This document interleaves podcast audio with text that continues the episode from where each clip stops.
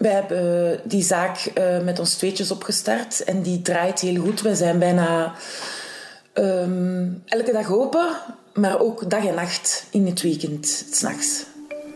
De voorbije weken niet. Uh, wij missen onze klanten en ook uh, financieel is dat dus een drama. Wij kunnen niet alles blijven betalen. Um, dus wij zouden zo snel mogelijk terug willen onze zaak opstarten.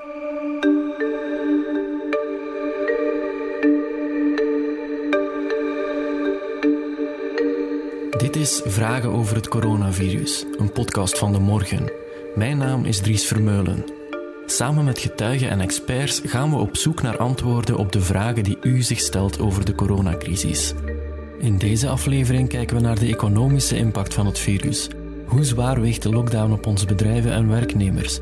Doet onze overheid genoeg om de schade te beperken? Of staan we na de bankcrisis opnieuw aan het begin van een diepe recessie?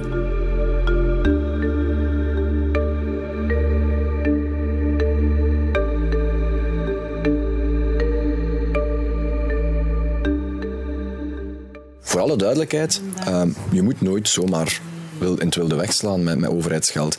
Maar we doen niet superveel momenteel als België. Hè. We zijn gieriger dan de Hollanders. Ik pleit daarvoor om heel duidelijk te zijn, om, om massaal te investeren, maar ook te zorgen dat men die leningen aan die KMO's en die mm. kleine zelfstandigen, dat men die langer uh, aanbiedt en dat men die toch goedkoper aanbiedt. Mm. Het is echt belangrijk, dat, want als er bepaalde sectoren en bepaalde bedrijven gaan omvallen, dan gaat dat een domino-effect geven, waardoor heel de economie nog dieper, ten dieper zal mm. invallen. U hoorde hier Conor Rousseau, voorzitter van SPA, in de studio van HLN Live. Die angst voor een diepe economische recessie die zit er wereldwijd in. Het coronavirus heeft in de eurozone voor een ongeziene economische krimp gezorgd. En België is daarop helaas geen uitzondering. Op het hoogtepunt van de lockdown in april was gemiddeld een derde van de productie van onze bedrijven verdwenen. Dat verbetert nu weer stilaan, maar minder snel dan gehoopt. Koen de econoom bij BNP Paribas Fortis, die vreest dat onze economie nog lang op een lager toerental zal blijven draaien.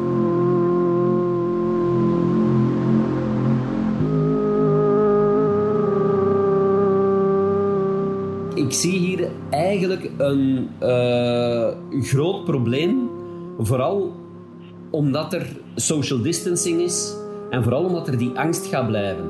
Dus eigenlijk, zolang dat we geen vaccin gaan hebben, vrees ik dat we op een economie gaan werken die niet op zijn volle 100% gaat uh, produceren. Dus dat we eigenlijk in een soort 90%, 90% economie zitten.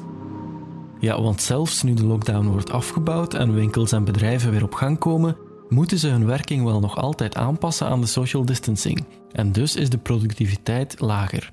Veel mensen zullen ook nog een hele tijd wat bang blijven om massaal te winkelen en zullen door hun verlaagde inkomen ook meer geneigd zijn om te sparen, voorspelt Koen de Leus. De overheid heeft natuurlijk steunmaatregelen voorzien, premies en leningen om bedrijven te helpen de lockdown te overleven.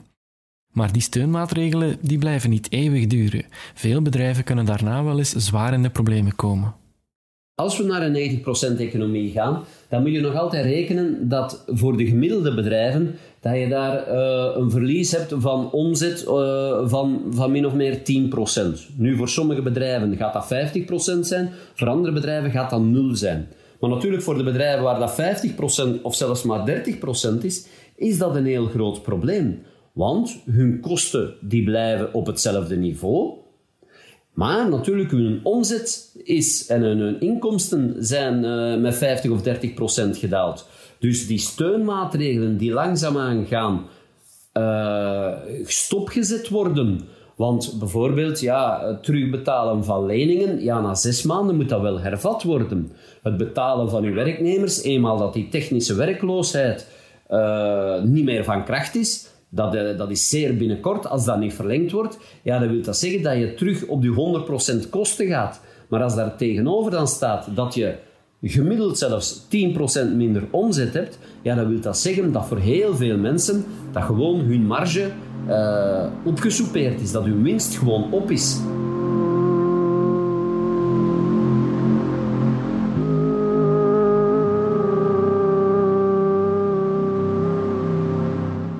Overheid zal dus niet anders kunnen dan steunmaatregelen te verlengen en te investeren in bedrijven. Grote spelers, zoals de luchtvaartsector en de automobielsector, die smeken op dit moment om overheidssteun. De vraag is: moet bijvoorbeeld Brussels Airlines zomaar steun krijgen? En moeten daar dan geen voorwaarden aan verbonden worden? Bijvoorbeeld om meer inspanningen te doen om die vervuilende luchtvaart duurzamer en groener te maken. We moeten natuurlijk goed opletten dat we geen geld uh, gooien in bodemloze putten. Dus uh, als we naar de vliegtuigsector of naar de autosector, we moeten zien of dat, uh, of dat het inderdaad toegevoegde waarde heeft dat we een bepaald bedrijf redden. En natuurlijk in de luchtvaartsector moet je je dan afvragen, is zo'n luchtvaartmaatschappij absoluut nodig voor België? Is zo'n transporthub absoluut nodig voor België?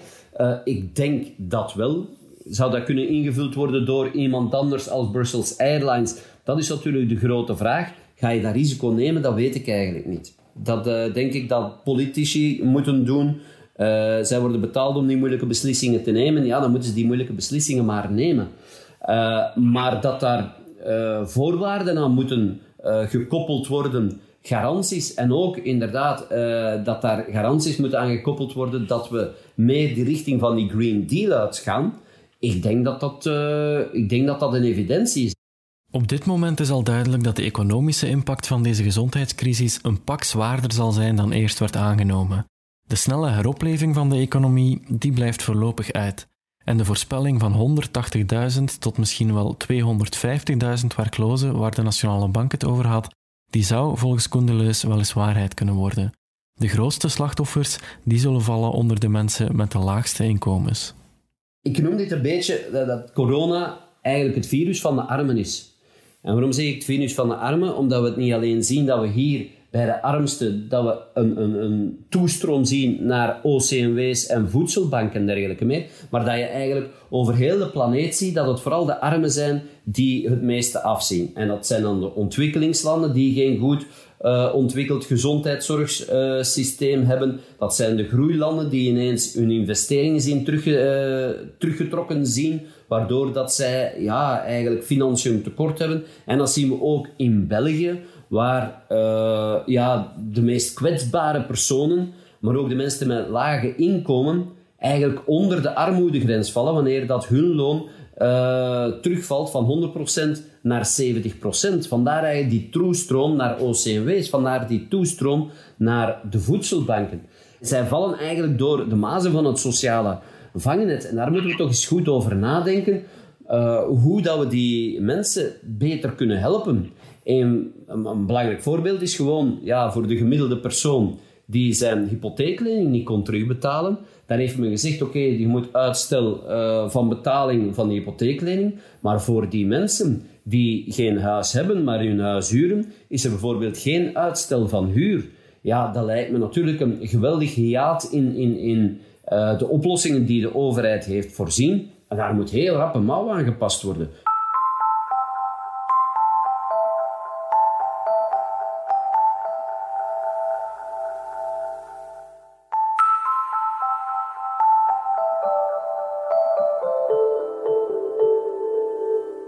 Mijn naam is Helga en ik eh, baat al 17 eh, jaar Taverne de Ruge uit in Vilvoorde samen met mijn collega Jacqueline. Wij hebben eh, die zaak met ons tweetjes opgestart en die draait heel goed. Wij zijn bijna um, elke dag open, maar ook dag en nacht in het weekend, s'nachts. De voorbije weken niet. Uh, wij missen onze klanten en ook financieel is dat dus een drama. Wij kunnen niet alles blijven betalen. Um, dus wij zouden zo snel mogelijk terug willen onze zaak opstarten.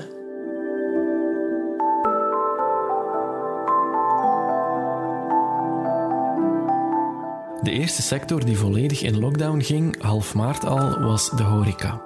Helga is een van de vele horeca-uitbaters die zwarte sneeuw zien na de wekenlange sluiting. We hebben een paar keer uh, bierkorven gemaakt voor onze klanten.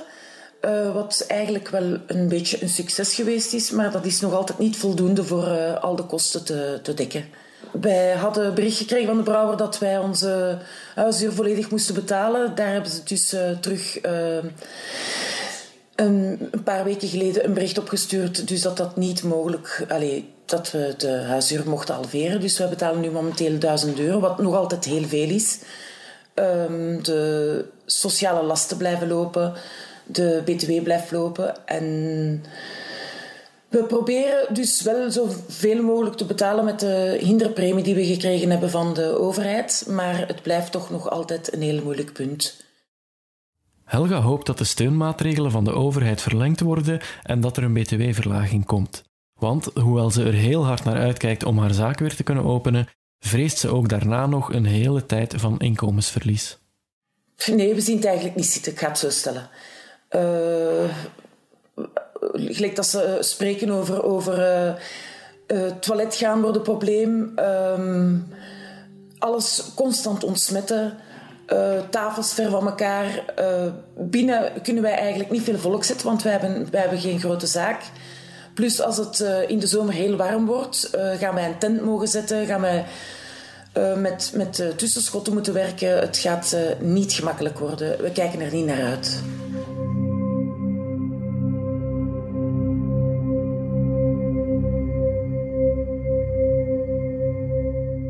De horeca is een sector die van de ene op de andere dag volledig werd stilgelegd. 60.000 ondernemers, 140.000 werknemers die plots thuis zaten. Er was financiële steun om die periode te overbruggen, maar voor veel zaken was die steun gewoon niet genoeg, zegt ook Tim Joiry van Horeca Vlaanderen. Ah, wij kregen in het begin 4000 euro als hinderpremie en dat was voor de eerste maand. En nadien was dat 160 euro per um, openingsdag. Maar natuurlijk, ja, voor een heel klein cafeetje is dat heel goed. Maar voor een hele grote met 20, met 20 werknemers is dat veel te weinig. Ja, zijn er eigenlijk op dit moment al veel zaken die zeggen: ja, voor ons was dit de financiële doodsteek, wij gaan gewoon nooit meer open? Er zijn er, er, zijn er een paar, niet veel. Maar ik denk de keer als ze gaan beginnen vallen, dan ze wel uh, met grote getalen gaan beginnen vallen. Dus ik denk dat iedereen tot nu toe wel lukt om het uit te zingen. Maar het zal er vooral van afhangen, gaan de mensen komen Gaan we evenveel volk hebben? Gaan we evenveel volk kunnen zetten? En blijft het dan nog rendabel? Ja, inderdaad, want uh, als straks de horecazaken opnieuw opengaan, zal dat niet zijn zoals vroeger. Hè? De, de social distancing maatregelen moeten gerespecteerd worden. Um, dat betekent minder klanten. Denkt u, verwacht u veel ontslagen in de sector? Dat zal afhangen van de financiële mogelijkheden. Dus wat er geboden wordt achteraf. Er ligt een heel plan op tafel. Maar als de overheid genoeg financiële garanties kan bieden à la RSZ-korting en btw-verlaging en dingen dat we kunnen ontwikkelen, gaan we de mensen houden. Maar moeten we rekenen dat, dat, heel, dan die dingen er echt, echt wel nodig gaan zijn. Anders lukt dat niet. Als wij volgende week zeggen van we hebben 30% minder, is het heel moeilijk om die mensen, dan kunnen we ze niet in dienst houden als er geen, um, alternatief, uh, geen financieel alternatief van de overheid op tafel ligt. Ja, dit is um, voor veel sectoren, maar ook voor uw sector, een heel zware periode geweest. Uh, hoe kijkt u naar de komende weken, de komende maanden? Dat zal een, een, hele intense periode zijn voor ons. Dat zal, dat zal heel moeilijk worden. Maar wij denken wel dat er ook veel gaan doorgeraken. Het hangt van enorm veel af. Hè. Het hangt van waar, waar de mogelijkheid om je terras te vergroten, de mogelijkheid gaan we toeristen krijgen, ja of nee, gaan de mensen nu toch niet op reis vertrekken, enzovoort, enzovoort. Het zal een hele moeilijke periode zijn, maar we doen ons uiterste best om iedereen daarmee samen met de overheid door te slepen. Veel mensen zijn op dit moment nog bang om buiten te komen, om zich in de drukte te begeven. Denkt u dat de klanten snel zullen terugkeren? Ik denk het wel. Ik denk wel. Ik heb daar gisteren ook gesprekken over gehad. Ik denk dat de mensen um, heel, heel, heel graag terug op café en op restaurant willen. Wij zijn een enorm sociale sector en wij zijn de sociale sector en daar hebben de mensen nood aan. Je voelt dat ook, hè. De winkels zijn open, maar zolang wij niet open zijn, um, is er geen beleving. Wij, wij, zorgen eigenlijk voor de beleving tussen alles. Wij zijn de lijm tussen alles wat je maar kunt opnoemen. En daar hebben de mensen nood aan. En die gaan heel vlug terugkomen.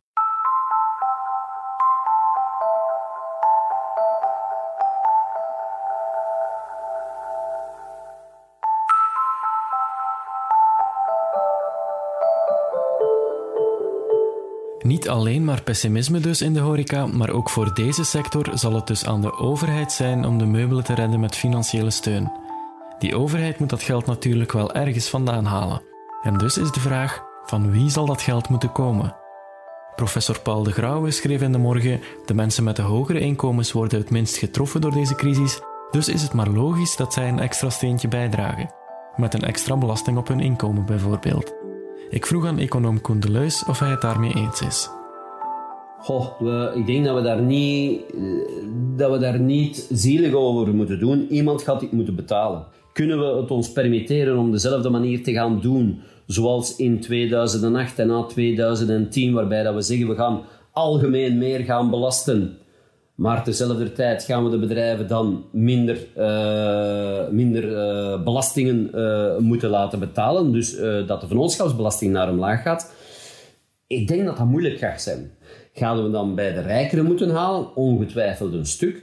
Maar moeten we natuurlijk opletten dat we bij die vermogensbelasting, we zitten al met een van de hoogste vermogensbelastingen ter wereld, dat we ook eens ergens zien van hoe kunnen we dit op een andere manier doen. Dan denk ik dat er bepaalde btw-uitzonderingen uh, zijn die er absoluut niet moeten zijn. Uh, waarbij dat we ook niet de minst uh, begunstigde gaan raken. Dan denk ik ook dat we in zaken milieubelastingen nog wel een heel stuk ruimte hebben om meer milieubelastingen te doen. Maar ja, dat een stuk inderdaad, een klein stukje ook inderdaad van de meest gegoede zal, zal uh, moeten komen. Ik denk dat dat onvermijdelijk is. Optimisten voorspellen dat de economie snel weer zal opveren wanneer ons leven weer wat normaliseert.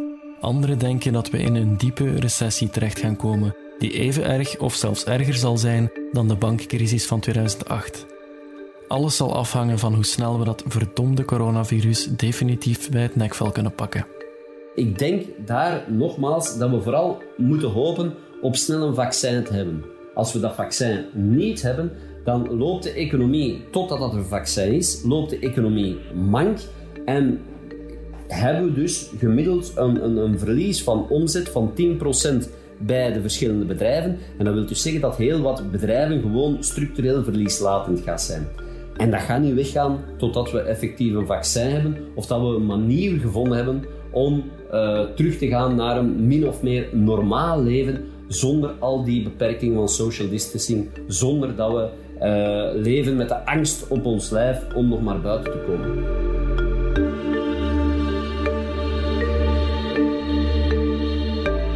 Dit was Vragen over het coronavirus, een podcast van de morgen. Als u zelf een vraag hebt, een tip, opmerking of suggestie, stuur dan een mailtje naar podcasts.demorgen.be. Voor het meest recente nieuws en informatie over het coronavirus kunt u terecht op demorgen.be en in onze app.